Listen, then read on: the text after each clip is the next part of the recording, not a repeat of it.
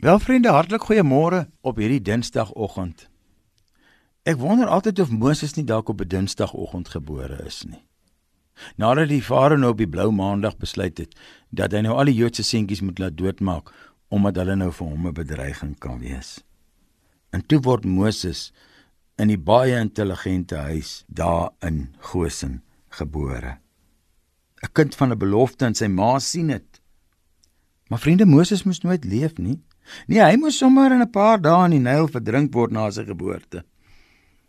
Maar die Here inspireer sy familie met 'n reddingsplan. Nogal 'n slim een om hom in 'n mandjie in die Nylrivier te gaan neerlê daar waar die Farao se dogter bad. En daar sit hulle hom in die mandjie in die Nyl en die prinses sien hom en sy neem hom as haar kind aan. En so word Moses, wat beteken ek is uit die water gehaal, in die Farao se rykmans huis groot en het 'n goeie opvoeding, maar het boonop nog 'n gelowige ouerhuis waar hy dikwels heen kan teruggaan.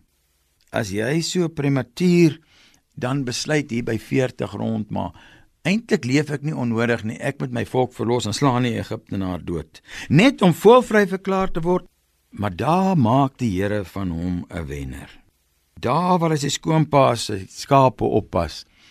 Toe hy nog gereed is op 80, toe roep die Here vir hom om na 430 jaar die werk te doen waarvoor hy eintlik uit die Nylrivier gered is. Ek dink ons kan vanmôre by hom 'n kersie gaan opsteek of 'n bladsy gaan uitskeer. In die laaste 40 jaar van sy lewe, wanneer hy die wysheid en die ervaring het wat die lewe vir ons gee, dan kry hy dit reg om die grootste taak in die geskiedenis uit so gesonder Jesus te doen deur 'n volk vir 40 jaar deur die woestyn te lei. Alleen sê dit kan doen nie.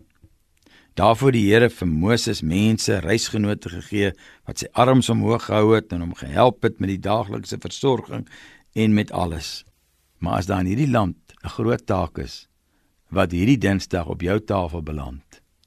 Onthou net, het die Here jou verniet met die oog op 'n tyd soos hierdie geskape?